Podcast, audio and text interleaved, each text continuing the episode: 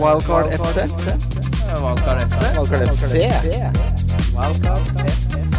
Wildcard FC. Hei, hei, og hjertelig velkommen til Wildcard FC, presentert av NordicBet. Mitt navn er Christian Wessel, og jeg sitter her med mannen som ikke synes svarte klær er svarte nok. Og derfor farger de med den svarteste fargen han fikk fatt på på jernet av Kim Grina Midtli. Ja, få det mørkt. Få det mørkt. Det kunne jo vi sagt om vår gjest i dag, skribent for ISBN og VG, Tor Christian Karlsen. Du hater ikke et svart plagg, du heller? Nei, god observasjon. Jeg har vel bare svarte plagg, tror jeg, i garderoben. Det er safe, det. Uh, henger kanskje litt post-punk-perioden på 80-90-tallet, sånn The Cure og sånn. Ja, men svart er trygt. Ja, det, er- jeg tror jeg har stort sett Nå har jeg rota på meg en veldig lysblå en i dag, men uh, vanligvis så har jeg bare sånn marineblå og sort, så det er stort sett det det går i. Ja, det er det beste. Ja, det er, det er safe. Det er safe. Du uh, har jo sammen med andre venner av podkasten Frode Lia, som er, eh, skylder oss en middag, men er først og fremst en fryktelig fin fyr. Så har dere starta fotball.tv sammen med Alexander Schou og Thomas Aune, annet. Stian André, André De Wahl er med, og litt flere. Ja. Fortell, jeg er abonnent, og det er jo du også, Kim, og det er premiere i kveld. Stemmer det? ja. det fortell litt om det. Det, gleder, det blir gøy. Det, det blir gøy, og det har vært veldig gøy. Vi har jo holdt på å planlegge det her i par måneder nå. Ja. Og vi har bygd eh, studio eh, Gamlebyen, og første sending var som sagt i dag. Så det er deilig å komme off the mark. ja. Så eh, håpet er jo Og responsen har vært veldig god, da, må jeg si. Har dere, ja, for det, jeg har sett det er fryktelig mange som har hevet seg på der. Blir det både studiesendinger og podcaster og alt mulig? Eh, vi har vel ikke planer om podcaster per se, sånn som eh, dere Eller eh, sånn som dere holder på. Skal ikke gå til næringa. Men eh, vi eh, vi eh, har planer om eh, altså utgangspunktet fem ukentlige programmer som strekker seg fra engelsk, norsk, Som blir TV Altså norsk herre, norsk kvinne. Nett-TV-programmer, da, på en måte. Ja, ja. Norsk herre- og kvinnefotball, engelsk fotball, Mercato, som er min greie, og Hva er det? Overganger. Er det det Mercato betyr? Ja. Faen, Mercato. for en idiot jeg er. Ja, fortsett. Eh, ja, og Mercato er jo det italienske eller franske ah, litt sånn rosa sportspapir. eh, brukt eh, Som de bruker om, eh, om eh, kjøp og salg av spillere. Som Stian og jeg da skal ha på, Ah, på fredager. Så perfekt. det er TV-basert. eh, Vi venter på apper eh, er under utvikling og sånne ting. Så håper vi å lage kult uh, forskjellig innhold som folk syns er moro å, å se. Så det skal være litt fra fra at vi snakker i dag om Arsenal, vi snakket om Premier League osv., til at vi skal tillate oss å snakke om norsk tredje nivå. Snakke litt om Follo. ja, hvor er Follo nå? Jeg vet ikke. Fjerde nivå. jeg ikke fulgt. Eh, men uh, ja, det er i hvert fall kjempemoro. Og for meg så er det jo utrolig givende å, å se hvordan Frode og Skaune jobber, som er proffer. da. Jeg er jo bare ny i, i hvert fall i den produktive delen av Altså produksjonen da, Ja. av, av det. Så det er jo veldig artig å se hvordan man starter og får i gang en sånn type business. Det koster 499, slik og ingenting, på fotball.tv for Ja, et år. For, for et år, ja. Det er, det er det verdt. Uh, vi har jo som sagt allerede kjøpt. Jeg gleder meg til å se. Kim, Og Ja. vi kommer med live, um, live ting etter hvert. Events, uh, quizer. Uh, tror Frode skal ta på seg nisselua og, Oi, oi, oi. oi. og, og kjøre noe quiz. det blir en del uh, à pubgoing på guttene. På ball? Ja. Ja. uh, ikke fra ball, men uh, noe lignende det vi uh, briljerte i, Kim. Ja. Det må komme seg på ball. Jeg savner de quizene på Ja, fy faen, fader, jeg har ikke gleda meg mer til noe enn å dra på ball og se fotball. Eh, vi har trippel som alltid i samarbeid med NorgBet, Kim. Eh, jeg røk på lead sist. Eh, Newcastle gikk inn og Southampton gikk inn. Denne gangen så har jeg gått for at Southampton slår Arsenal. Jeg har gått for at Westham slår Crystal Palace, og at Chelsea slår Wolverhampton. Det får du gode god odds på. Jeg vil nok tro den havner opp på 13-14. Ja, til det, sammen. det er knallhardt. Vi har ingen like kamper denne runden her. Det Oi, det pleier vi å ha. Ja, jeg har Manchester City og West Brom. Det er 1-10-odds der. Yes, den er med. Er det en ti? Ja, Ja, 1-10. ja. en til. Eh, og så har jeg Fulham uh, hjemme mot Brighton. Jeg syns man så, Ja, Fulham så ser, noe der er det ja, skjedd noe. Hva er oddsen der? 2,90 hjemme mot Brighton. Oi. Det syns jeg var kjempehøyt. Og så så har jeg at Leeds slår Newcastle til 1,78 i odds. Ja, de har jo ikke styr på koronaen der. Ja. Hva ble det til sammen? Nei, gud veit. Ja, Uansett, eh, som alltid så booster NordicBet oddsen eh, for dere som hører på Wildcard FC. De finner du under Love the Bet på NordicBet. Eh, De, den oddsen finner du ikke noen andre steder, så det er der du bør spille den. Der har du også da ikke nødvendigvis på triplene, men du får penga utbetalt hvis laget ditt leder med to mål. Det er prima, det. Det er gull. Uh, jeg har jo da tatt uh, sesongens andre hit inn til denne episoden. Tok ut uh, Son, Cancelo og Vardy. Det gikk ikke så bra, Kim. Det ble at, Skal vi se Det ble 23 poeng. eh, versus de jeg henta, som da fikk eh, Ja, for du, du solgte Cancelo, ja. Ja da, ja. Den er dum. for Trent. Ja. Så der ser vi minus fire også i tillegg, så det er jo godt, godt i minus eh, allerede der. Du tok Ja. ikke innpå noe, dessverre, for det ble ikke noe særlig mer på deg, Kim. Nei, jeg tok vel inn fem poeng, tror jeg. Ja.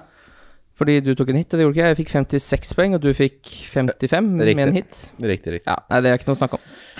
Riktig. Uh, vi skal jo gjøre det litt annerledes nå. Det blir ikke runden som var, og så blir det mer litt sånn snakk om det du er god på, Teko. Så det blir ikke så veldig mye på expected goal involvement på Pascal Gross i dag.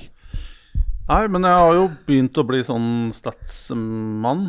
Eh, så jeg jobber, jobber jo mye med analyse for tiden. Ja, og, der er det er det mye columns og, og sånne ting. Altså veldig mye tall jeg sitter og studerer. Hvilke tall liker du best når du gjør dine analyser, eller hvilke syns du har størst verdi? Jeg synes, altså Defensive tallene er jo ikke så interessante, syns jeg. For det er veldig, der er det veldig liten forskjell og um, Sånn defensive challenges, uh, hodedueller vunnet og sånn, er ganske likt. Mm. Uh, og sier deg ikke så veldig mye, for det stoppere skal jo på en måte være gode til akkurat det der. Men på angrepsspiller syns jeg jo chances created Ja. er og, og der dukker det faktisk opp ganske mye uh, uventa ting, da. Ja. Uh, så det er bra. Um, og så er det jo løps, eh, sprinter og, og distanse og sånn. ja. Altid, alltid bra. Er det mer sånn Sentrale midtbanespillere. I, i Eliteserien så ser jeg for meg liksom en fyr, det hvor mye de løper og sånn, har mer å si enn kanskje i andre ligaer. Altså, for på et eller annet tidspunkt så forventer man en viss level of, av fitness, da. Men at det er det utover det å løpe, løpe fort og løpe lenge som teller. Ja, eh, det er jo én ting der som jeg også syns er veldig spennende. Det er jo på løp eh, Kapasiteten til å holde på gode løp utover Kampen. kampen. Så jeg husker jo eh, Dette er jo liksom for min generasjon, da, men Gianluca Vialli, som vi sikkert husker, Ja, ja. og Michele Padovano, som var en annen Juventus-spiss, de var jo helt vanvittige på det derre Mens spisser, angrepsspillere, begynte å slokne sånn i eh, 75. minutt og ble bytta ut og sånn, så hadde jo de vanvittig løpsstyrke da, siste 20 minuttene og kvarteret. Og jeg tror det er noe stats på at Vialli har liksom en helt utrolig uttelling på mål scoret de siste, siste 20, da. Så Ja. er spiss. Det er jo en del spillere som har den, eh, den egenskapen. Hvem syns du har overprestert og for så vidt underprestert mest denne sesongen eh, hittil? Da kan du velge om du vil ta for deg håper å si, spiller, managere eller lag. Ja, jeg kjenner ikke igjen eh, Jeg kjenner ikke igjen Manchester City. Nei. Og nå har det, er det seks kamper uten de har sluppet inn. Seks med clean shit på Ja. rad. eh, ja.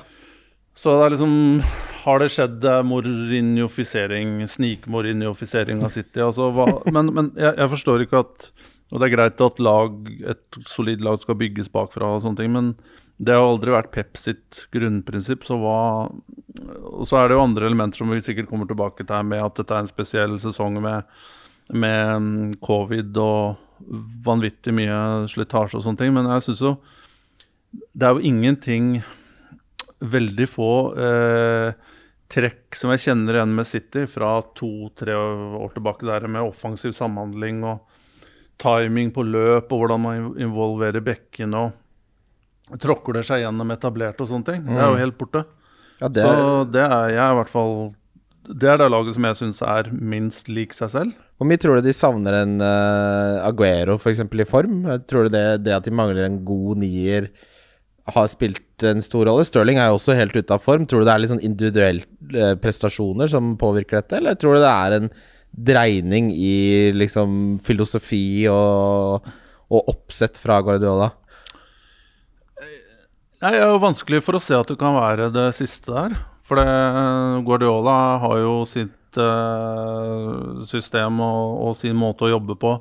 Nå har han jo fått inn en ny assistenttrener, var det for et år siden? Uh,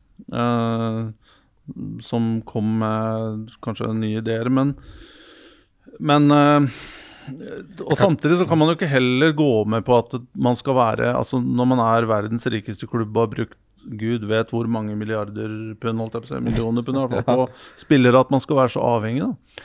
Men at, at, avhengig av enkeltspillere, men samtidig så er det jo noe kanskje som tilsier at man skulle hatt noen spillere som bryter litt mønster og har litt mm. taktomslag på siste tredjedel og sånne ting. Men det hadde jo disse folka. Altså um, Silva, da. Ja. Men Bernardo, altså Bernardo Silva er jo også ja. en spiller ute av form. På sitt beste ja. så var jo han også litt sånn, men ikke like mye som David Silva, selvfølgelig. Han, men han var veldig sånn. Ja. Og jeg, jeg husker bl.a. den kampen da de det er kanskje en av de beste kampene jeg har sett live i hele mitt liv. Det var City slo Liverpool 2-1 for ca. to år siden mm. eh, på, i Manchester. Og da var Bernardo Silva spilt litt sånn fri rolle på midtbanen, var helt vanvittig god. Den sesongen var han helt sinnssyk. Ja. ja. Men, men, man kan jo Ja. Kanskje vi ender opp her etter hvert, da, i uh, Wildcard FC, at, uh, at dette her bare har med at det er en spesiell sesong. Mm. Og at spillerne ikke har energi, og at derfor er det så flatt. Men City er i hvert fall uh, ugjenkjennelig uh, for meg. Det tror jeg mange er enig i. men nå er det jo mange som har henta inn mye City-spillere. Så begynte det bra med fem mål mot Burnley, som de strengt tatt skal. De skårer alltid ja. fem mål mot Burnley. Uh, eh, 2-0 mot Fulham, uh, som har prestert bedre defensivt, som vi så nå sist mot Liverpool også. Og så den kjedeligste Manchester Derby jeg kan huske å ha sett. Fy fader, for en møkkakamp. Ja, det var ordentlig, ordentlig kjedelig, men det så vi vel nesten komme, også de kampene der. Du så det komme, i hvert fall. De vært, ja, men de har jo vært kjedelige siden Solskjær tok over Manchester United, de. Ja. Eh, de skal jo prøve å kontre, og når United ikke klarer å kontre, så blir det ikke noe særlig mål. Og I hvert fall når City heller ikke greier å skape det helt store. Mm. Så det var jo Den andre omgangen var jo og helt ekstremt kjedelig. Ja, det var bare å skru av. Det var bare å få på Maskorama-reprise og gjette litt på elgen der. Mm. Jeg har ikke vært i en dagligvarebutikk jeg, uten at jeg har hørt noen si jeg tror det er Marcus Bale. Men det var jo litt sånn spennende den uh, Fordi det, den kampen jeg syns var veldig spennende den uh, helga her, det var jo Crystal Palace mot Spurs. Hvor det var, og Liverpool-kampen også, hvor det virker som det er litt sånn tydelig at når de får fans De litt anta dårligere lagene får Everton fans også. på Everton tribunen, mm. så manes det såpass mye. Og du så eh, Mourinho har gått ut og sagt at eh, altså drittsekker vinner eh, Eller nice guys vinner ingenting. Mm. Og de, jeg så ikke én eneste nice guy i den Crystal Palace-kampen. altså Spurs jeg vet ikke hvor mange ganger mm. Celso lå, ut, lå nede etter han kom ned. Altså, ja, han lå jo bare rulla, eh, stakk av gårde med ballen eh, på frispark der og sånn. Og det, ble en sånn utrolig deilig fyring i den kampen, da, som de ikke har sett på lenge. Og når Crystal Palace Det ser ut som de har vunnet uh, Premier League da de skårer 1-1 der, og fansen tar helt av. Og det, det der trøkket ja. der, da, det tror jeg vi kommer til Jeg tror vi kommer til å få se bare enda rarere resultater fremover. Kan, kan vi Følte dere også på hvor ut Jeg hadde ikke trodd det skulle være så digg å ha fans på stadion. Jeg, savnet, jeg visste ikke at jeg savna det så mye. Å se feiringen, og se Altså, nå høres jeg ut som sånn den derre patos-voiceoveren eh, til innsalg for når du skal selge Premier League-abonnementer til 500 kroner måneden. Men det var så jævlig digg å ha fans. Og så er det jo sånn Og så sitter jeg jo sammen med Sammen med dama som bare Er det der smittemessig lov, da?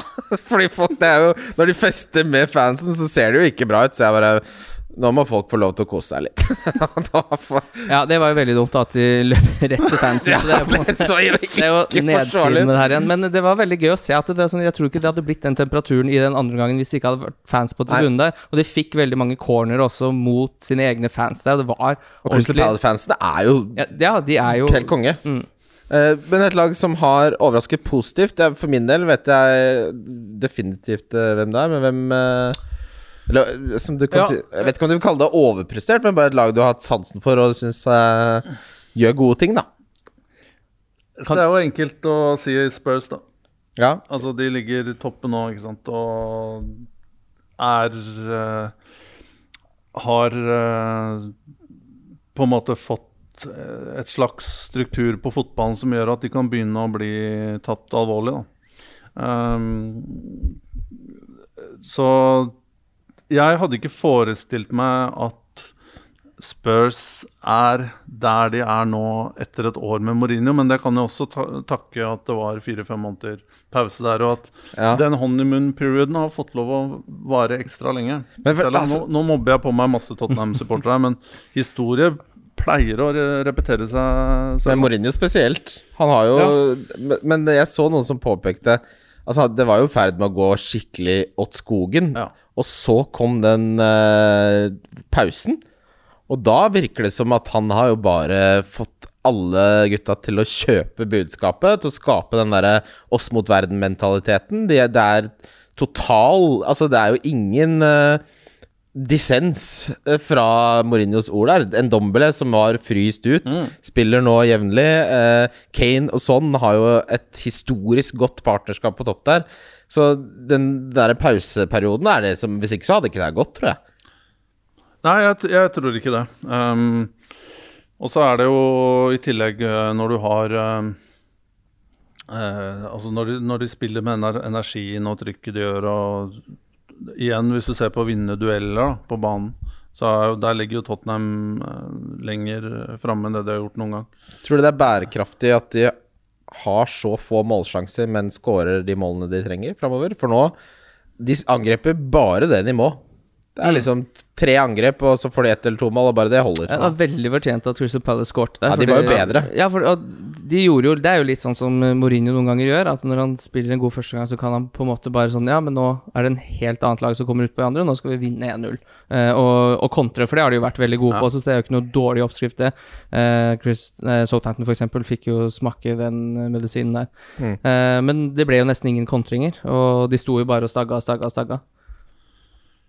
Ja, eh, det er eh, Igjen, hvis du har to angrepsspillere som har så flyt som Son og Kane, hva, hva er de oppe i nå i, i målpoeng hver? Er de oppe liksom i De ligger an til å slå eh, den tidligere rekorden mellom to, som, eh, som var Drogba og Lampard. Ja.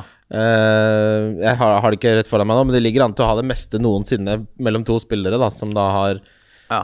eh, assistert hverandre, for å si det på den måten.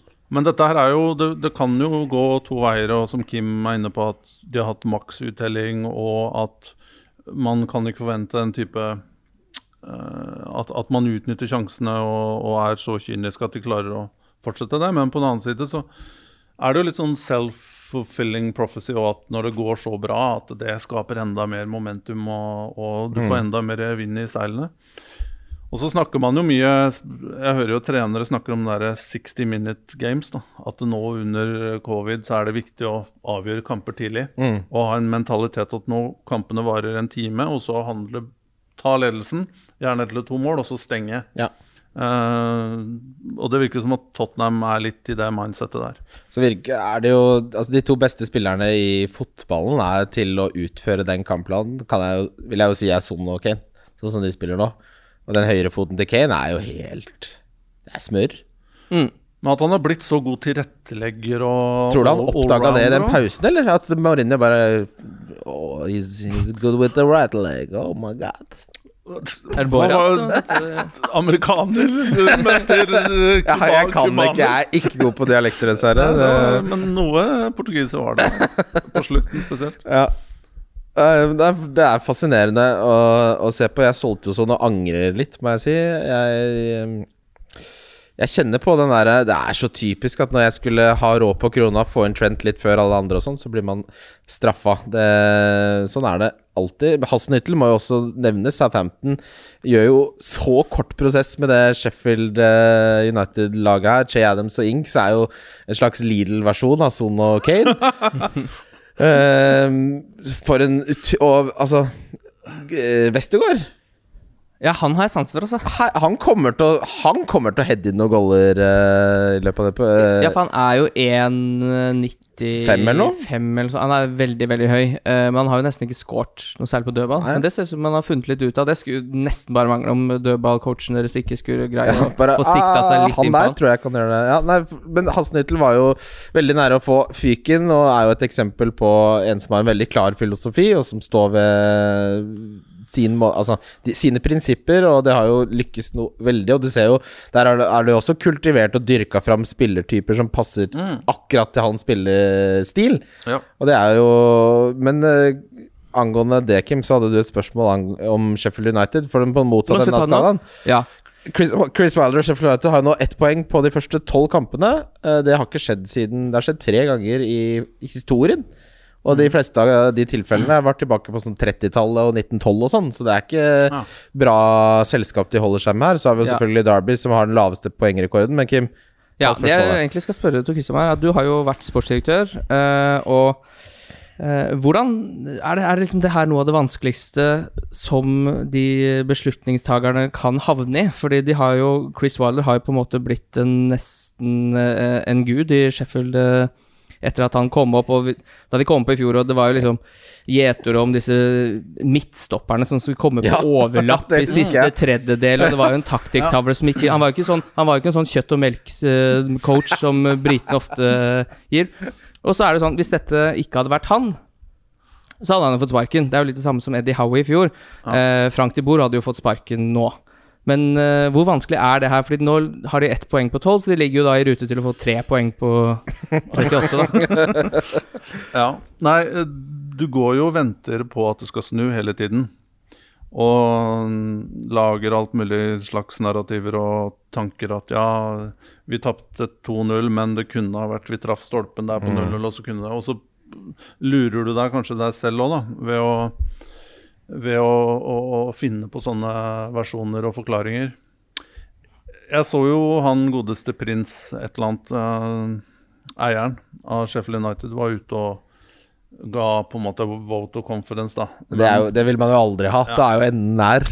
Men den, den var veldig varm, Ja. eh, og sånn eh, absolutt at liksom verste fall så skal han bygge et nytt Sheffield United, og, og skal vi starte igjen i championship, og, og, og så kom uh, Altså uansett, da, så skulle han Så skal han fortsette.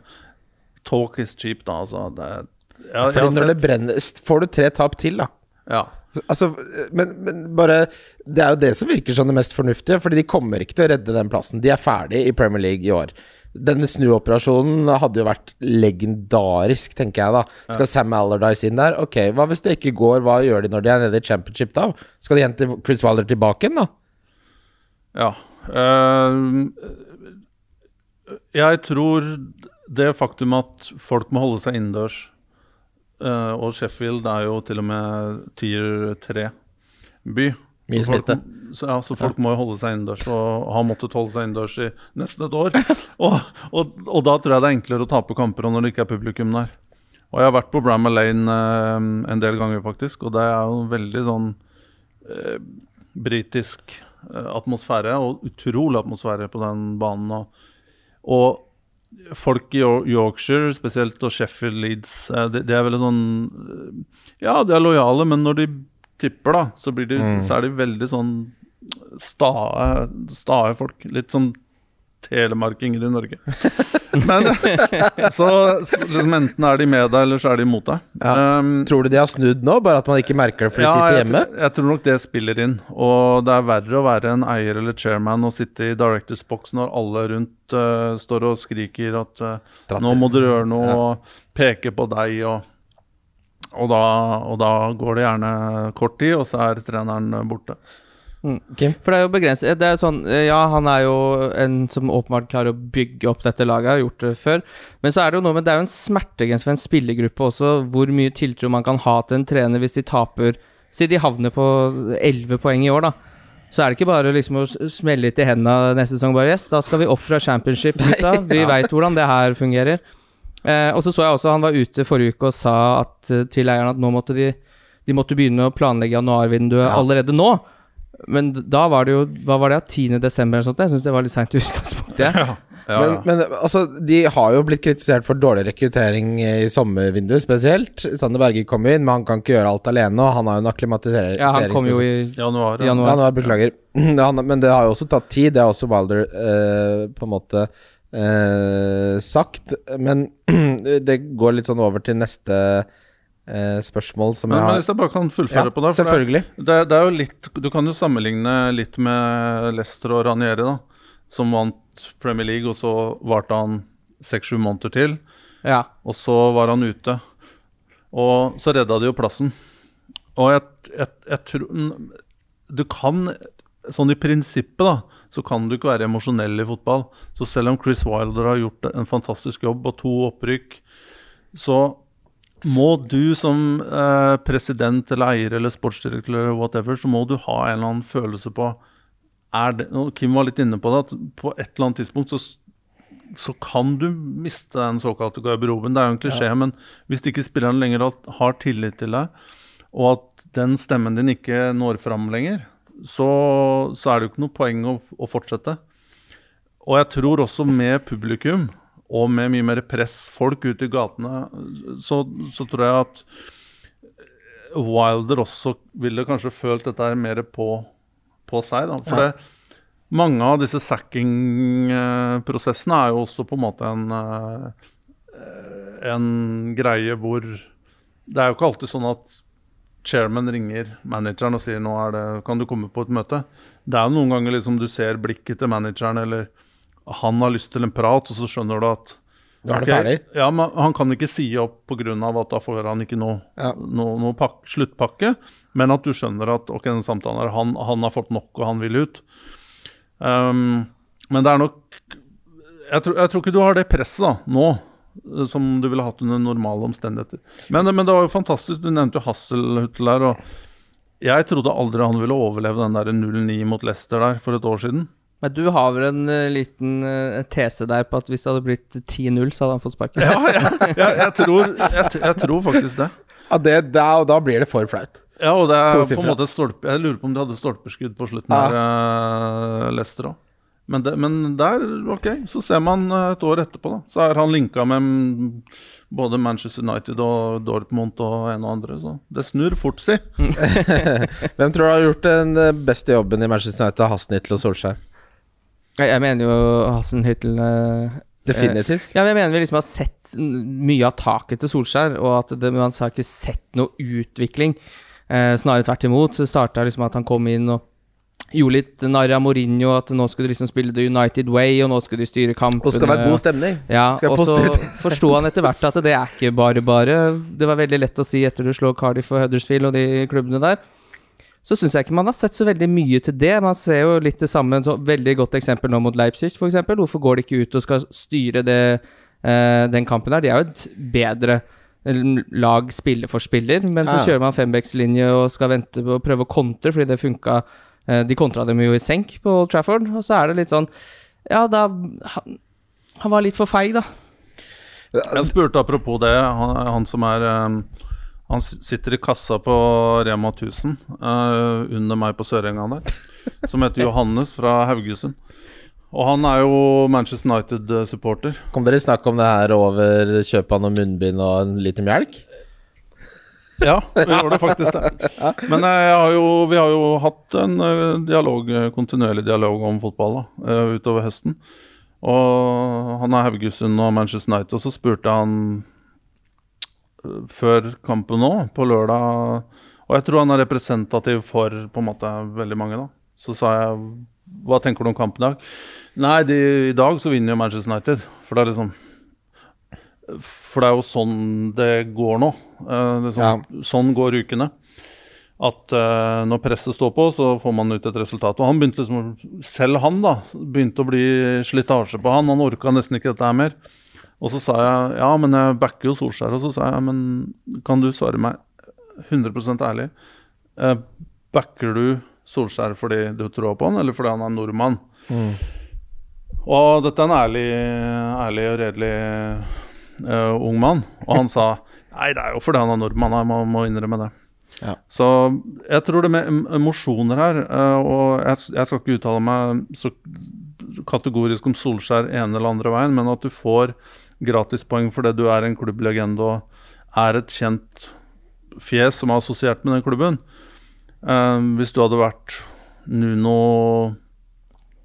eh, Santo? ja, Ja. for eksempel. Da. Eh, ok, så hadde ikke han kommet etter Mourinho, da, men glem den krono kronologien der. Men hvis du har liksom bare vært en eh, keeper i Beira Marle, hvor han var, da, og bakgrunn i Valencia halvt år der, og, og Porto, eh, eller hvor han var Men, men liksom, da stiller du ikke med samme goodwill. Da. Nei. Så jeg tror hvis man Klarer man å ha liksom, den der tydelige analysen på Solskjær har den spillergruppa der. Eh, Etter to år så fremstår de på den måten her, på banen. De har brukt så og så mye penger, de har de og de tallene. Er det det man skal kunne forvente, eller er det under eller over? Mm. Jeg tror det er veldig få som klarer å gjøre den analysen med et klart hode, for det er alltid emosjoner da, Mm. som blir dytta inn i den debatten her. For meg så handler det om Hvis du ser på Southampton, se hvor mange av de spillerne som har blitt vesentlig bedre under Mm. Hasenhyttel. Eh, det kan du si om eh, Bednarek har blitt bedre. Walker Peters har blitt en god spiller. Eh, Ward Prowse har blitt mye bedre. Stuart Armstrong har blitt mye bedre. Han har brukt både Redmond, Walcott og Genepo til de, det lille han har spilt, på en måte som passer mye bedre til deres spillestil, og de passer inn til hans spillestil. Det er det som er litt sånn med en dårlig trener, syns jeg. Det er at alt må passe inn i hans system Uansett om spillemateriellet passer til det. Mens her har det blitt en sånn veldig fin uh, mellomting. da, ikke sant? At han har tilpasset seg litt. Man har også utvikla spillerne til å passe inn under sitt system. Og Shea Adams og Ings er jo et kjempeeksempel på at, uh, hvor godt det fungerer. da. Så, og det, det ser jeg ikke helt. Hvor mange spillere kan du si har, faktisk har blitt vesentlig bedre under Solskjær? Ja, det er vanskelig å si, da, fordi som vi snakka om eh, litt også, det er en veldig rar sesong. Eh, og som vi så det. på trekninga i dag, det har vært Europa League-trekning og Champions League-trekning. 14 serieledere i de europeiske ligaene er i Europa League. Null er i Champions League. Så de beste klubbene De har slitt med å komme i gang igjen på ny sesong. Eh, det koster mye å vinne en liga. Eh, det har nok kanskje vært for lite hvile for de klubbene som har eh, Eh, Jeg har vært med å fighte helt inn, da. Og så er det uansett Det er, det er tette ligaer, så det er ikke noen som har stikka, sånn som City nå, da. Hvis de vinner Henning-kampen sin, så er de tre poeng bak eh, Spurs, så det er jo ikke noe Det er ikke spilt så mye. Men eh, Nei. Siste eh, som må adresseres, er eh, Jeg så intervjuet med Arteta før Burnley-kampen. Er det noe håp der? Eh, Det er eh, på alle relevante statistikker, både altså, røde kort, sjanseskapt, skudd, eh, mål skåret. Aubameyang, som han uh, var veldig på å få signert ny kontrakt, uh, har mista all selvtillit og er lost uh, gjerne ute på venstrekanten. Granit Xhaka, som Thierry Henry sa, jeg gidder ikke å se på Arsenal når han er kaptein for Altså, det er så fryktelig dårlig stelt, da. Eh, og han spiller litt sånn uh, Alar Darteta-ball, for det her er one route direkte. Det er ikke Jeg, jeg klarer ikke helt For Arsenal-fansen der ute, så er Det er veldig Jeg syns det var veldig rart, for det var, det, man så Vet ikke om vi snakka om det sist, eller om det er en tanke jeg har hatt. Det går litt surr. Eh, men eh, da Klopp tok over Liverpool, så så man liksom fra første kamp at ok, nå er det nytt regime her, nå skjer det noe nytt. Og det syns jeg man så i første kampen til Teta også. Bare sånn, ja, ok, nå er det nye tanker inn her. Dette Ja. ser ganske spennende ut. Eh, og så har jo alt det blitt borte. Det er jo ikke noe offensiv samhandling. De prøver heller å Altså, de har vært ganske gode på defensiv eh, organisering, men altså, de har jo veldig mange gode offensive spillere som ikke har fått til noen ting. De hadde spennende spill. Enketia, eh, Saka. Saka. Martinelli var jo også brennet der en liten periode. Lacassette har jo også vært en god fotballspiller i hele sin karriere, egentlig. Ja, Ja, det er en fryktelig manager for PP, blant annet. Da kom i gang til noe sånn som det ser ut her nå. Så jeg, jeg, jeg eh, skjønner ikke fotball godt nok til å liksom forstå hva som har skjedd der, da, på veien. Eh, for han har jo åpenbart ikke sett for seg at det var her han skulle være i løypa da han tok over for uh, uh, han var hvor lenge siden det er nå? Et år snart, eller? ja for Emery, ja. Nei, Det er jo verre enn Emery, og det er liksom eh, det, det her er filosofien hans. Han, han har sagt dette med antall innlegg nå to ganger. Er det, med, er det så og så mange innlegg, så er det matte. Til slutt går ett inn. Det var vel det samme Moy snakka om i Manchester United. Ja, ja, ja, akkurat samme. Og det må du må ikke finne på å nevne antall innlegg. Altså, da er det begynnelsen på slutten. Eh, eh, tror du han klarer Tror du han snur det, eller tror du han får sparken når han taper 29.12. mot Brighton? Det er jo vanskelig å Selvsagt vanskelig å forutsi, men, eh, men jeg, Jeg forventer ikke at du skal si når han ble ja, sparka. Nei, men, men, men jeg føler at Arsenal er en klubb eh, jeg, jeg, jeg forstår ikke helt uh, Altså, etter Arsenal sine problemer da, har ikke oppstått nå uh, siste par-tre årene. Det er jo Selv de to siste sesongene med Wenger var tunge. og Det var Wenger ut, og det var liksom mye debatt rundt hans rolle. Så forsvant Wenger, og så forsvant Ivan Gazidis, som kanskje ikke var så ubrukelig som administrerende direktør. Allikevel, nå har han stor suksess i Milan. Eh, og alltid eh, Jeg har alltid hatt inntrykk av at han er en fyr som vet hva han driver med. Jeg har truffet han et par ganger. Eh, og han har imponert meg mye mer enn andre fotballedere på det nivået. Mm. Så ser man han er borte, Wenger er borte, og så forsvant han San Lehi eh, under veldig kjapt i sommer. Mm. Eh, som var høyt oppe i hierarkiet der. Jeg skjønte ikke helt akkurat hva han gjorde eller ikke gjorde, men og så er det flere sånne bak som har store figurer. Dick Law, um, Steve Rowley. Så Arsenal liksom Det er en hel rekke med sentrale folk da, som har forsvunnet. Så jeg ser på Arteta som en ganske ensom figur. Ja. Eh, Krønke, så vidt jeg vet, er ikke på kamper. En, Han er opptatt av pengene, tror jeg. Ja, han er opptatt av å være i Denver og holde på med sine greier der. Jeg tror han har noen barn som er i styret der, men Men eh, jeg ser ingen i Jeg, jeg, ser ikke et sterkt hierarki her som kan støtte Arteta. da. Og backe han, ja, det er du, men det er veldig enkelt å si ja, du er sportsdirektør, han kjenner klubben, eller teknisk direktør, eller hva han er. Han kjenner klubben, eh, og Arteta kjenner klubben. Dette her går bra. Dette er vanvittig komplisert jobb. Og du skal mestre så mange ting. Og begge er ferske. Og at uten noe support fra rutinerte og erfarne folk eh, i styret eller administrerende direktør eller whatever, så går ikke dette her. Nei. Så enkelt er det. Og det, liksom, det må starte med et solid toppledelse.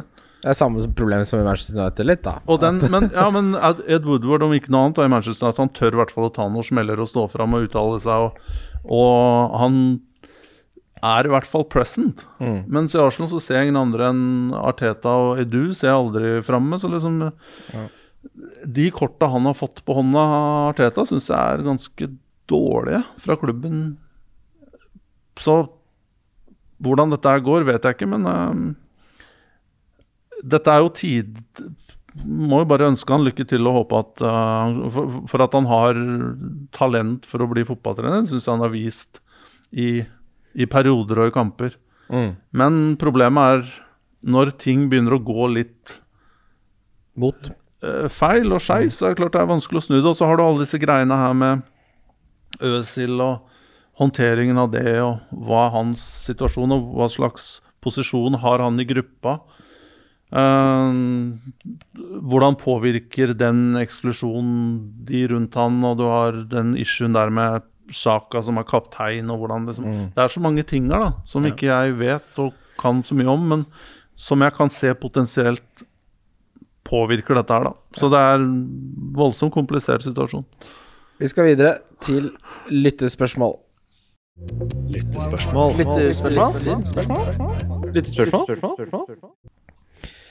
Felix eh, spør hvem bytter man Yota for, og det er det spørsmålet vi har fått en variant av i fleste tilfeller, så da fikk du være representanten for alle de spørsmålene, Felix. Eh, Det lurer jeg også på, fordi enten så må jeg spille firebackslinje, som det ikke heter helt på fantasy, med Konsa og så videre, eller så må jeg bytte han. Og jeg sitter jo og ser på to spillere, og det er Bowen fra Westham, Jared Bowen, og så er det EC fra Crystal Palace. Ja. Jeg henta Klisjé. Jeg henta han da Ja, du skal ha litt straffer der? Ja, skal ha straffer inn eh, der. Han har, Han har jo eh, skåra to allerede, vel? Ja, altså han har tre mål og tre assist så langt den sesongen. der Jeg syns Ja. det er kjempeverdig etter 5-5. eh, på et lead som har veldig fine kamper nå fremover. Nå er det Newcastle hjemme, så er det Manchester United borte. Det er ikke noen kjempekamp, riktignok. Og så er det Burnley hjemme og West Brom borte. Høres ut som eh, et lite run der. Og så er det jo det eh, Det er snart nyttår, så det, det er gøy å diffe litt. Fordi jeg, som gjør det så jævlig dårlig, kommer til å kjøre wildcardet mitt rett over nyttår. Så da kan jeg tillate meg noen sånne småpunts. Ja, det, altså jeg liker det. Jeg har også sett på Sosjek, eh, som scora igjen. Ja, kjempeverdig der. Fryktelig høy og fryktelig god til å heade, og Leeds Men det er jo komisk, da, Bielsa som eh, Herregud, som han forbereder seg, men å forsvare seg på dødballer, det har han glemt. For det, det var Altså, du så at det var kampplanen til Westham å få frispark nærme 16-meteren, for de visste Altså, Moyes har jo også gjort leksene sine. Det er ikke bare Bielsa som sitter oppe om natta og ser på fotballtapes. Ja, det er gøy med Jeg synes det er litt gøy med Moyes som har fått seg en liten renessanse der i Premier League. Eh, har jo nesten eh, vært på en liten turné rundt i Europa med litt sånn Vært i, vært i San Sebastian. Ja, med litt sånn brukket rygg og eh, Han kom seg liksom aldri helt etter det Manchester United-prosjektet. Fortjener der. Hm? Han fortjener det her. Ja, Ja, Ja, veldig. det, det, det Man glemmer hvor god han var i Everton. Ja, for det hadde jeg tenkt å si òg. Han var jo ikke dårlig i Everton. Han, hadde, han var jo en av de få som klarte å nærme seg det glasstaket på, på topp fem der. Og så er det litt det han har gjort i Westham, er at han har fasa ut Felipe Andersson, fasa ut Andrej Jarmolenko, og så har han fått spillere som er hardt arbeidende, som liksom kjøper greia, da. Og det har han gjort sånn i det stille, for vanligvis når de har så mange eh, godt betalte, dyre stjerner som skal fases ut på kort tid, så pleier det å bli murring. Og hvis ikke resultatene følger da, så hadde Moyes han har vært nærme å få pink-slippen sin noen ganger, han. Det er så gøy å se det lykkes. Og nå er jo Saeed Benrama er jo også Det er differential 0,3 eierandel. Start, spilte endelig 83 minutter nå. Var jo den beste spilleren i championship. Eh, ikke den beste, men en av de beste, faktisk, eh, for eh, var det Brentford. Brentford, vel? Ja. Ja, Brentford som er liksom moneyball-lag, så der er det også spennende. Klish syns jeg er kjempespennende. Bowen syns jeg er et godt alternativ. EC Sosjek, Benrama, så er det litt sånn hvor eh, eksotisk har du lyst til å være? Jeg, jeg tror nok det tryggeste valget, hvis jeg måtte sagt noe om det, hadde vært eh, Bowen. Ja, han ser steady Eddie ut, han også. Men altså, han er ikke noe Altså det, det er helt feil bruk av Eddie, for det er det motsatte av det han er. Eh, ja, men altså, det er 2-2 Dette er poengene hans. 2-2, 15-8, 2-2-2-2-2-2-2, 3-3, 13-2-5. Ja, ja, to mål og fire sist, da. Ja, men de, de kommer veldig ofte i, i, i pakke på to, da. Så han skårer to i en kamp, og så har han scoring og assist i en annen kamp, og så er det blank over hele linja resten. Ja, det, det, Til den prisen så er det som frister litt med Sosjek, er jo at du vet du får to, tre, fire goller til. Men, du får, men etter det så får du steady. Men for de som spiller 3-5-2, så syns jeg det blir litt konservativt. Da vil jeg heller prøve litt på Benrama eller Bowen. Ja, kan være enig i det. Uh, siste lyttspørsmål. FBL Bruno. Må rett og slett Salah ut? Er han for dyr i forhold til prestasjonene? Nei, I alle dager. Han fikk jo nettopp åtte poeng. Ja, jeg syns ikke det. Jeg syns jo Liverpool ser eh, De så helt fryktelige ut de første 40 minuttene med Fulham. Det, det, det er det dårligste Jeg har aldri sett. sett så ser- mange menn innenfor en 16-meter som innen den 16-meteren til Fulham på slutten. Det var jo 22 mann der. Keeperne var jo inni der, de òg. Og da de slipper inn den 1-0, og det første Venaldum gjør, er å slå bort ballen og det, Altså, Klopp mister det. Jeg har ikke sett Klopp bli ordentlig sur på sidelinja. Der, der roper han bare 'wake up', 'wake up', og, og eh, peker på enkeltspillerne som 'nå må vi Nå må vi våkne opp her'. Eh, og så spiller de jo dårlig 10-15 minutter til, vel. Og så spiller de sånn helt ok. Kunne fort ha dratt med seg hele sulamitten der med eh, Jones, som jeg synes har blitt Curtis Jones, som jeg syns har blitt veldig Det raidet der? veldig- Ja, det raidet der. Han har baller, ass! Ja, og Henderson som også bommer der. eh, der eh, så de, de, de, men det, det er jo ikke i nærheten av sånn vi, vi kjenner de. Men det er, altså vi må ikke glemme at de tapte nesten ingen kamper i fjor. Da må du ha den lille cutting edgen da, for å vinne absolutt alle kamper. Og så er kanskje Salah litt sliten, da, og Firmino og Mané. Og da, da blir det 1-1 da, mot Fulham, mens i fjor så hadde de vunnet den kampen her 2-1 eh, på overtid. De hadde eh, Villa-kampen i fjor, for eksempel, hvor de skårer helt på slutten. De hadde veldig mye sånn poeng som kom på slutten. De mangler den lille edgen der i år, og da, da Og Follum har jo blitt bedre. Det er ingen tvil om at Ja. de, de er ikke det laget som kanskje jeg og mange andre trodde, at dette skulle bli pur overkjøring osv. Den rekrutteringen som Follum har stått for Altså Majoriteten av de som starta den kampen her, er spillere som ble kjøpt etter Altså etter ligastart. De har jo integrert så mange nye signeringer at der har det blitt gjort en kjempejobb. Med, og det er jo ikke akkurat det Follum er kjent for. De, de gjorde jo forferdelig rekruttering sist de rykka ned, f.eks. Det er jo noen spillere der også. Lookman uh, har vi jo snakka litt uh, om, uh, men Reed, Kordorova Reed, som han heter God scoring der, altså. Ja, han syns jeg er veldig artig fotballspiller. Det er mulig det blir noe mipp-mipp inn på meg der. Den skåringa Han er jo spiss, som er litt sånn vanskelig, til 5,3. Men den skåringa likte jeg svært godt. Men det er ingen tvil om at Follum har forbedra seg. Så kommer det bare sånn veldig kjapt her. Topp tre juledrikk. Er det en favoritt blant juleøl, toddy, akevitt, julebrus, gløgg, kakao eller annet flytende? Kim, topp tre. Jeg liker bare egentlig Hamar julebrus og en eller annen rødbrus. Jeg syns alle rødbrusene smaker helt Liker ikke juleøl? Uh, nei, jeg syns egentlig det er litt for tungt. Ja, det syns jeg òg. Akevitt. Ja, jeg kan drikke akevitt, men jeg syns ikke det er så godt, sånn som pappa er veldig opptatt av. Det må man ha Hvor gammel tror du man er når man plutselig våkner en dag og bare 'Jeg elsker akevitt'? ja, det, der kar er det beste jeg vet! Det er karvekjøret der som er bare sånn Det syns jeg nesten Det gir maten mer usmak. Enn det eneste jeg liker med det, er den der tanken om at når du har spist mye fett, så på et eller annet vis så går akevitten inn som en sånn reddende engel ned i magesekken og rydder opp der. Sånn, det, er bare, det er bare løgn! Ja. Det der er hvite menn på 50 som bare ja, 'Du må roe ned magen med litt akevitt'. Det er ja. jo bare løgn! Ja, det er akkurat det, for det er det farfar og de sier at man må ha det for magen. Bare sånn Ta drikk, ta det, drikk hva du vil. Slutt å spise tre kilo ribbe, da. Bælfeiten. Noen favoritter på deg, Tekko? Men det må jo være noe i det der med digestivo ja, men det er jo fernet. Dette her vet jo nei, nei, grapp, grappa er jo det man drikker i Italia, som er bitte litt akevittaktig. Ja.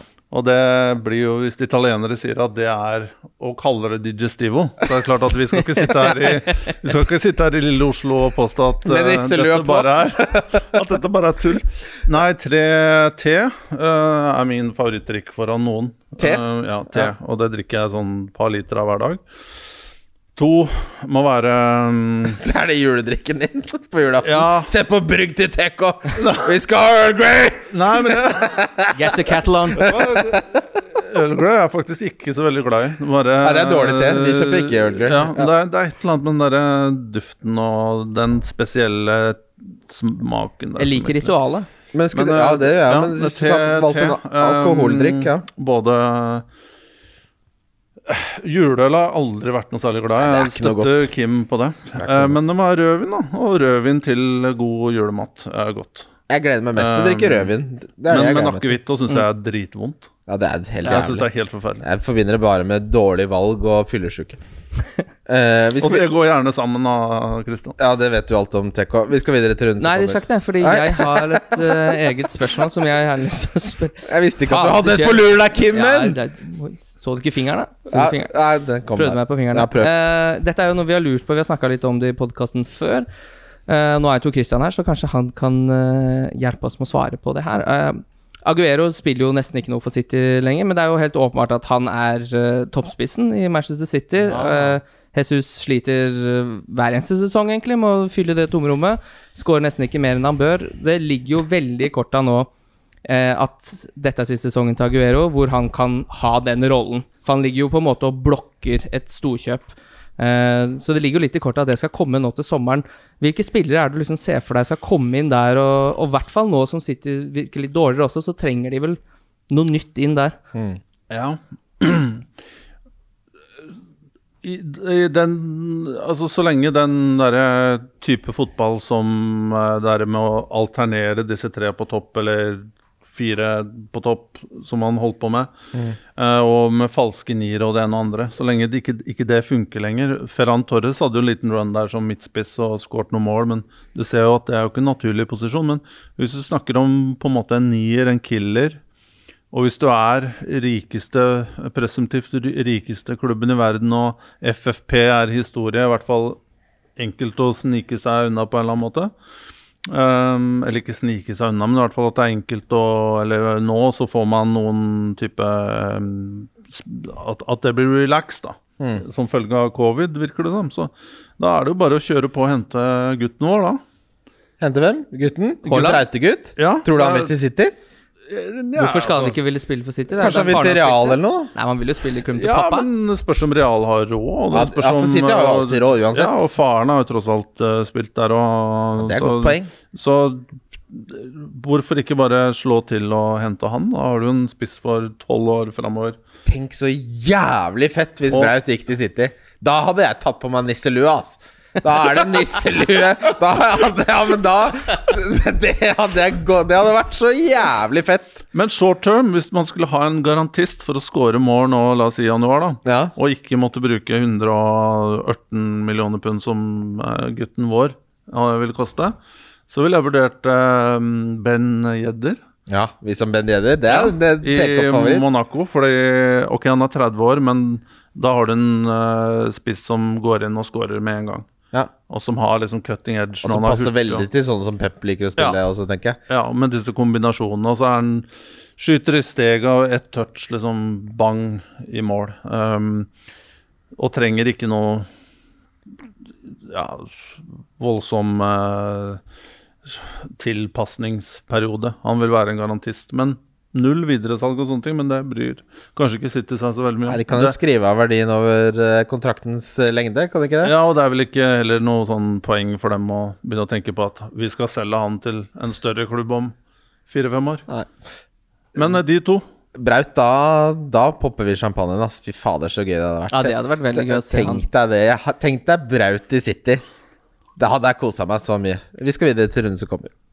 Runden som kommer. Ja, det er runden som kommer. Runden som kommer. Deadline er uh, 17.30 allerede i morgen. Uh, Wolverhampton Chelsea eh, begynner eh, runden eh, med avspark klokka sju. Jeg har jo valgt Chelsea på, på trippelen min her. Jeg syns Wolves, etter at de laver til 4-2-3-1, ikke har sett noe god ut. De savner Himminez fryktelig som oppspillspunkt. De savner Johnny og Dockerty på wingbacken- Jeg syns ikke det ser spesielt bra ut. Jeg, tror, jeg har troen på at de kan snu det, men jeg tror ikke Wolves klarer å skåre mot det Chelsea-forsvaret her.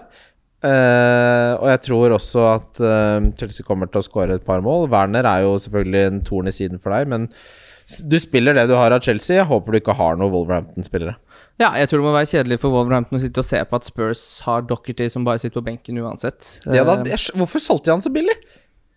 De har mye behov for han Men Aurier har jo vært fryktelig god, da. Plutselig så ble han god, liksom. Mourinho bare 'Nå skal du skjerpe deg. Da er du god'. ja, det har skjedd mye på de fem månedene med Ja, fy faen. Jeg lurer på hva de holdt på med på det der state of the art treningsanlegget til Spurs der. For der har det vært mye utvikling.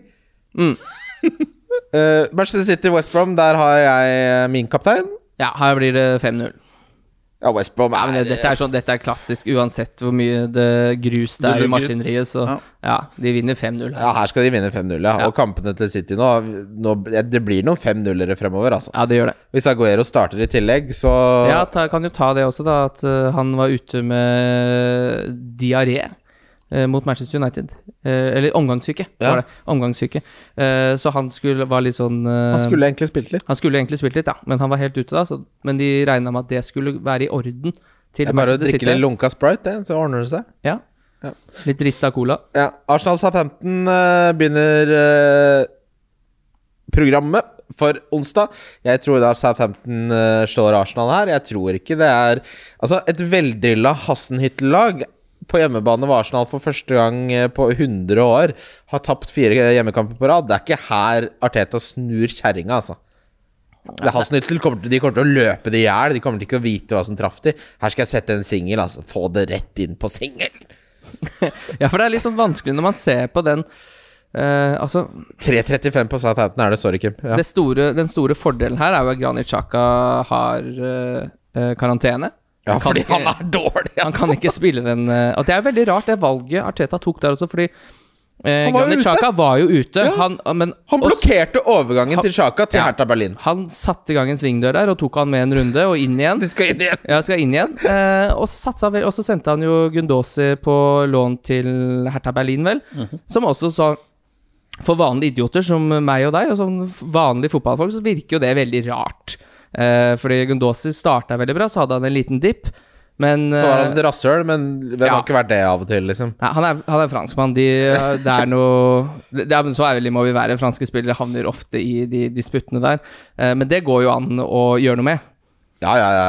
Det, altså, absolutt. Han er 21 år, da. Han er jo fortsatt La, Ja. Alle har vært Tenk hvor idiot du var da du var 20. Du var sikkert ikke så idiot. Jeg var en idiot når jeg var 21.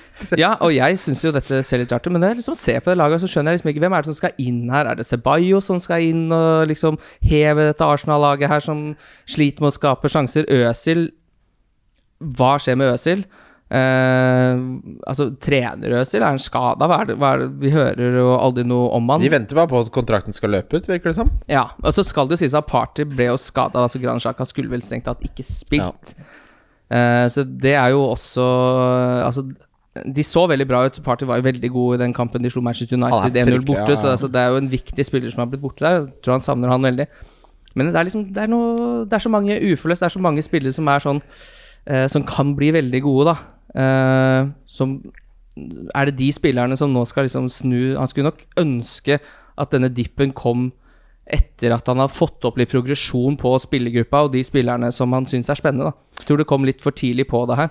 Ja. Eh, Leeds Newcastle, der har du gått for Leeds på din trippel. Og Klisj på laget. Og Klisj på laget, og fy da. Ja, det er fint, det. Ja, altså jeg syns det er gøy ja, med det Leeds-laget. Altså, når jeg ser de spiller for spiller, så sliter jeg liksom med å se hvor, de, hvor, gode, hvor godt er dette laget. Men de løper liksom beina av seg og er jo et fryktelig lag å møte. Lykke til med den som må markere Jonjo Shelby. Eh, som vi vet, så er det man-marking på Leeds der. Leicester, Everton. Everton uh, Det var en liten taktisk utklassing, vil jeg si, av Angelotti mot Lampard der. Der uh, var det Everton som hadde det definitive overtaket. Nei, nå skjønte det Nei, nei, nei, nei, det var ingenting. Vi bare så på hverandre, jeg og Tor Kristian. Ja. Ja. nei, det var jo Ikke våg å gjøre det tegnet der til meg en gang til, Kim. Eh, ja, nei, for man trodde jo at Everton nå måtte gå over til firemanns backlinje og Digne ute, og eh, Sigurdsson måtte gå inn der for en skada Hames Rodriguez, at det skulle være problem. Eh, men Sigurdsson ble matchvinner med straffeskåring, han. Så Ja, altså eh, ja. Han er, får jo ufortjent mye pes, også Sigurdsson, bare fordi han ikke er så god til å flytte beina. Han har vært fryktelig dårlig i lang tid, men eh, det har ikke nødvendigvis vært hans skyld, da. Men uansett, da. Calvert Lewin, folk har bare Han beholder du bare. Det, er, det her er som investeringen din i liksom et eh, gruveselskap på Lunder som gir deg 10% avkastning i året. Du, det, det er Ja, det er traust. Det er et gruveselskap på Lunder. Det er ikke selgers marked på Calvert Lewin. nå. Nei, det er ikke selger, du, det, det gir deg avkastning. Mm. Det er forbrukslånsavkastning må, på månedlig basis. Leicester, da, var de selvfølgelig etter jeg solgte han de, Å, fy fader, så gode de var på sitt beste. Den Madison-skåringa. Så du den? Etter sånn sju trekk, Ja. hvor Madison køler. Sånn Roberto Carlos-køl. Det var jo det de savna litt fra Madison i fjor. da Han var mye skada, og han har Ja, jo det har her det i seg. nå, ja. Og var linka til Manchester United, og så var forrige sesong så var han jo rett og slett litt dårlig. Ja, det må være lov. Det må være lov å si. Eh, men nå ser det ut som eh, Og dette er jo sånn Vi snakka litt om det at i, i Europa, i ligaen rundt, at det er litt sånn jesteren som fort kan komme opp og stjele krona i år. Jesteren, Lesteren. Oi, der er vi! Der jeg, vi. Yes! Fotball.tv! Få det inn! Dette får dere på fotball.tv. 499. Uh, ja, men jeg syns Leicester kan fort eh, være med helt inn, de. Men du, Harvey Barnes, har du solgt han nå? Nei. Folk er drittlei. Han starter ikke. Nå må du gi deg med det der, Kim. Ja, det ja, der men er jeg jo- skjønner ikke hvorfor han ikke spiller, fordi han For han er jo ikke hver god nok. Han skårer hver eneste gang han spiller. Bortsett fra nå, Perez- Ja, Skårer ikke nå. Ja, Man kan ikke komme inn og score de siste 20 hver Han gang. kan jo det, hvis han hadde vært god nok. Skårer er i alle Europa League-kampene. Dette er jo det, så det dette Team Sherwood gjorde med Harry Kane. Ta en spiller som presterer i Europa League, få han inn, og bli toppskårer i Må ansette Tim Sherwood som konsulent her. Ja, Uh, det. Fulham Brighton, der tror du Fulham vinner. Vi Spiller gidder ikke å snakke mer om det. Nei, i eh, sies å være klar. Ja, Han var, hadde en liten nurse, nursing injury der. Liverpool Spurs. Her tror jeg, hvis jeg skulle sagt noe her, så tror jeg Spurs vinner. jeg. Ja, tror jeg. Her har jeg etter den forestillingen mot Fulham, og det er litt sånn jeg, Ja, altså, det skal sies at Spurs har ikke spilt noe bra del, men at de skal klare å demme opp for Liverpool, sånn som de ser ut nå, det tror jeg. Så jeg tror egentlig det blir uavgjort. Curtis Jones koster 4-4 på spillet. Ja, det er billig. Ja, det er fryktelig billig. Eh, vi kommer tilbake til det. Westham Crystal Palace. Crystal Palace er litt i siget. Det er de alltid. De ser forferdelige ut, og så er de i siget. Benteke spiller sitt livs fotball! Ja, så blitt- du? Ja, god igjen. Så du da de skulle gå ned på kne for Black Lives Matter, og Benteke tolka det som at ballen var sparket i gang, og han bare rev av seg markeringen? Og så var det bare for han skulle sette seg ned på kne for å ha litt markering? Har du sett det klippet? Ja. Ah, fy Han blir vel fulgt av sonen der også. Da åpna jeg meg en flaske Pinot Noir. Det er noe av det bedre jeg har sett. Det var bare Sa det. Uh, uh, ja, nei. Eh, 2-2. Noe sånt. Ja, jeg syns det er mulig å spå hvordan Westham Crystal Palace skal gå. Skal jeg være ærlig. Aston Villa Burnley. Neste kamp, spill alt fra Aston Villa. Ingen som har noe fra Burnley. Sheffield United, Manchester United. Her er det Dette er en Bruno-kamp. Bruno, ja. Er dette en Bruno-kamp, da? Fy fader, det er Bruno-kamp, og det kan vi snakke mer om, for nå skal vi til rundespillere. Wildcard FC. Wildcard FC. Rundens kaptein står mellom to eh, spillere. Denne, hvis du følger eh, avstemminger rundt omkring på internett. Uh, Kevin De Bruyne er favoritten. Bruno er en god nummer to. uh, med tanke på at det er hjemme og um, Ja, men Bruno er best borte, da. Han får Jeg mener at, at eh, Kevin De Bruyne er hjemme mot West Brom. Mm. Jeg, jeg syns det er 51-49 fordel Kevin De Bruyne. Ja. Jeg vet ikke, nå har vi sett en sånn Det har vært mye sånn ratinger av spiller, og Bruno Fernandes blir i hvert fall av Manchester United sine fans ansett som den beste midtbanespilleren i verden nå. Hvor høyt rater du det Bruno holder på med? Ja, det er spennende. Eh, jeg visste han var god, uh, og så jo en del av han i både Italia og i, i, i Portugal. Men at han skulle ta Premier League med så storm og produsere fra, fra første dag, det så jeg ikke for meg. Um, men um, De Bruyne har jo mer Bruno er mer energispiller da, og spiller med høy puls og masse adrenalin. Og, mens De Bruyne er mer sånn geometriker som liksom har et mye klarere bilde av spillet og, og hva han skal gjøre når han får ballen, men samtidig Begge er jo difference makers, da. På litt forskjellig måte. Ja. Jeg så det nå også når jeg så kampen mot City, at det er sånn Det er nesten Uansett hvor hardt de prøvde sin så klarte de liksom ikke å stresse opp Bruno. Mm. At han hadde liksom alltid så utrolig god tid. Eh, og det er jo bare pro på en eh, ekstremt god fotballspiller. Eh, det er veldig Så tar han imponerende. kampene etter nakken òg, da. Han er litt sånn nå, Ok, greit, da må jeg gjøre alt selv, da. Mm. Og så gjør han det, for han er så god. Um, Ja, det er temperamentet som jeg syns er kult med han. Da. Mm. Han har et utrolig temperament og spilleglede og um, Nå har jeg ikke sett på involveringene hans per kamp og sånn, men det er jo vanvittig mye ballkontakt, og hver gang han får ballen, så er det liksom Og energi, ikke sant. ja. Og så er det det selvfølgelig, som vi alle vet, disse straffene. Du går for Kevin De Bruyne, Kim? Eh, nei, jeg går for Bruno. Du går for Bruno. Mm. Hvem går du for? Ja, jeg tror jeg går for belgieren. Altså. Ja, jeg går også for belgieren. Differential. Uh, Kim, hvem har du valgt deg ut der?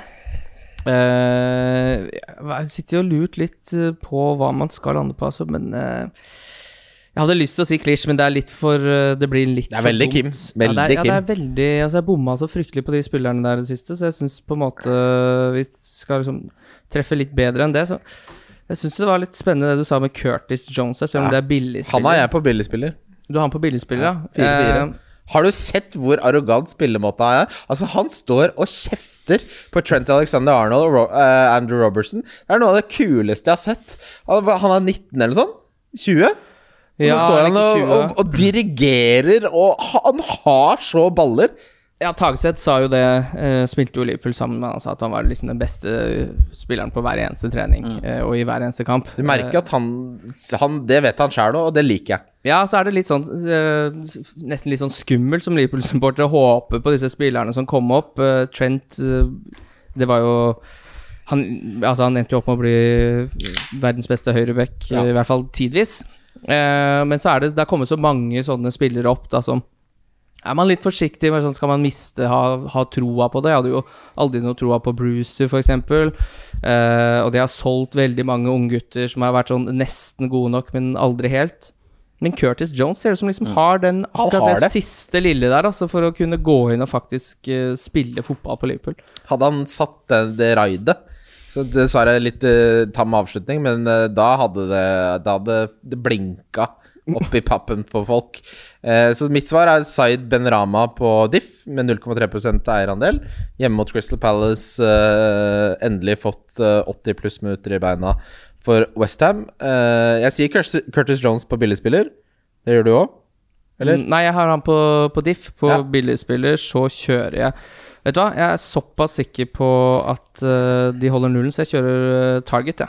Som billigspiller på Aston Villa. Ja, det må, Hjemme du få, det må du få lov til. Ja. Eh, Dog Kim? Jeg tror ikke Liverpool kommer til å, å score noe særlig, altså. Så det, Eh, svaret ditt er Salah? Uh, ja, jeg tror rett og slett jeg donker Salah den runden her. Skal du rett og slett dunke Salah? Ja, fordi jeg har egentlig lyst til å dunke Mané, men han har ikke 10% eierandel. Ja, jeg så mange på Twitter som bare eh, Det er Mané du skal ha til Fulham-kampen. Og han tok sånne victory laps før det var spilt et minutt der. Eh, deilig at det ikke lykkes for dere. Hater sånn Ja, det er vanskelig å dunke noen, da. Altså, sånn, har, sånn kan du dunke, men altså eh, Jeg tror heller sånn scorer Nei, vet du hva, jeg dunker sånn. Det er så klart du gjøre det. Jeg tror heller han blanker enn Salah. Ja, jeg skal uh, få lov til å dunke Jamie Vardy. Oi. Sorry, Mac, å hamle opp med Angelotti, som har fått ferten på en taktisk suksess. Det vet vi alle. Det er som når han får lukta av biff. Det nytter ikke. Angelotti? Ja. Har du, det, ja, det her nevnte jeg for mange år siden, men biografien til Ja, han er glad i mat. Hvis du skal ønske deg en bok, og du er ikke så glad i sånn tung lektyre Biografien til Angelotti du kommer, Jeg lover deg, du kommer til å elske den. Den er helt konge. Frode Lia har jo gått og snakka om den i godt, godt halvt år nå. A Good man. Og jeg tror faktisk han kjørte fem eh, spørsmål fra den boka på en quiz, Kim. Oi. Ja, ja, ja. Som eh, vi var med på. Jeg og Frode Lia tenker, den, tenker helt likt. Vi er glad i mat, og vi er glad i Angelotti. Det er gøy når jeg leser den boka, kom... så er min referanse eh, Frode Lia sin quiz på, på, på ball. Ja. Så veldig, veldig glad i mat. Han var jo mye mer sånn på en måte prega at han likte mat. Prega. Ja, Det som å ha hatt en heroinavhengighet. Men, Han er jævlig, eh, har du sett Angelotti i det siste? Han har prega av all den indrefileten. Det legger Men- seg på kjaken. Men, men han, han kommer jo fra Jeg tror han kommer fra Reggio Emilia, som er midt i det kulinariske sentrum av Ja, Italia, vil jeg påstå. Det er derfor Moyes dro til San Sebastian og trente Royal Sociedad også. Altså Hvis jeg var fotballspiller, så hadde jeg bare Jeg skal til Sociedad. Sociedad. Det er det laget jeg liker best. Hvis jeg var et Braut, f.eks., så hadde jeg bare Nei, jeg skal ha 200 000 i uka, så lenge jeg får spise på Men med all respekt, Michelin-restaurantene. men eh, med all respekt for David Moyes, eh, jeg ser ikke helt for meg at han sitter på disse Michelin Nei, det- vet du hva, det det som trist. restaurantene i, i, i San Sebastian. Jeg, tror du det var Mækkern? Nei, men jeg tror det er mer sånn uh, Flesk og duppe? God, nei, god skotsk husmannskost. Ja, hva er det? Haggis? Og, Ja. Nei, fish and chips og Tenk å dra til kanskje San og, Sebastian og, og en god, god Sunday roast. eh, Ja, Yorkshire pudding. ja, men jeg ser ikke for meg at han sitter på 21-retters uh, der. Tasting-menu der, med litt skum. Nei. Tusen takk for at du var med, Tor Christian Karlsen. Eh, Gå inn på fotball.tv og få med den kule prosjektet som dere har gående der. Det blir gøy å følge med på. Eh, Nå kommer rundene tett som hagl, Kim. Mm. Vi må rett og slett spille inn på torsdag allerede, og tirsdag neste uke. Det blir bitte lille julaften. Ja, da skal jeg ha julefeiring med noe Det er ikke så nøye. Eh, Nei, det syns jeg ikke det er faktisk ikke noe interessant. Bare for å ta det, da. Eh, Ta det, bare for å ta det, ja! Det skal ikke være lov. Eh, lykke til, alle sammen. Nå blir det ikke noe hits på Bobo på en stund. Eh, det kan godt hende jeg sparer byttet mitt, til og med. Det, jeg eh, brant meg. Jeg skulle være litt gamle Bobo. Minus fire. Gikk 15 poeng i Men Du kan ikke se det på én uh, runde. Nei, det har du helt rett i, men eh, jeg er redd. Og snart er det juleferie. Gå, vær så snill. Eh, hvis du vil støtte podkasten, gi oss en anmeldelse på Apple Podcast. Den trenger ikke å være femstjerne. Gi nøyaktig det du vil. Jeg syns tre er hyggelig. Har vi litt å strekke oss Kim blir, alltid når vi får noe under fem, så får jeg et screenshot av Kim. Og han snakker aldri til meg ellers, men da popper det opp et bilde. Nå har vi fått en ny treer! sånn er det! De svarte hull av et menneske. Vi snakkes. Wildcard FC. Wildcard FC. Wildcard FC. Wildcard FC.